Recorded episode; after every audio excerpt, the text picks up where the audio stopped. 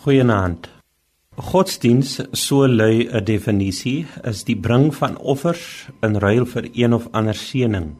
In die Christelike godsdiens is daardie offer en seëning wat uitgeruil word tussen God en mens, niemand anders as Jesus Christus nie. Sy volle oorgawe aan die Vader in sy lyding en kruis en hy wat aan ons geskenk is as verlosser. Wanneer ons godsdiens beoefen, neem ons deel aan hierdie enkele volmaakte offer. Omdat hierdie offer volmaak is, is dit aanneemlik vir die Vader. Enige ander offer is onvoldoende. Om godsdiens geloofwaardig te maak vir die gelowige, moet hy egter self die offer bring.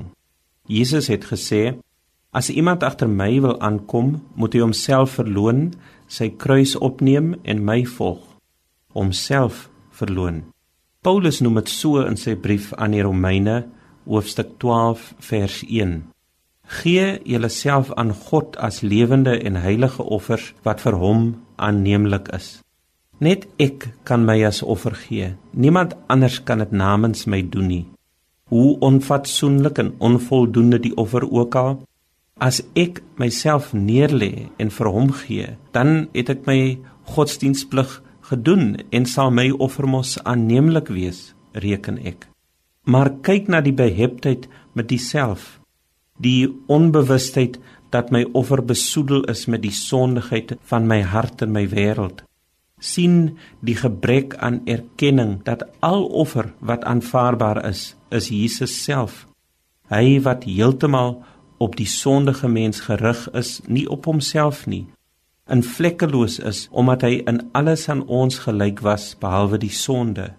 Daarom pas wanneer ek my offer aan die Here verbind, my offer aan syne koppel, sal ook my offer aanneemlik wees omdat dit eintlik syne is. Dan sal ons in staat wees om te onderskei tussen die wil van God en die eie wil of soos Paulus dit stel in vers 2 laat God julle verander deur julle denke te vernuwe. Dan sal julle ook kan onderskei wat die wil van God is, wat vir hom goed en aanneemlik en volmaak is.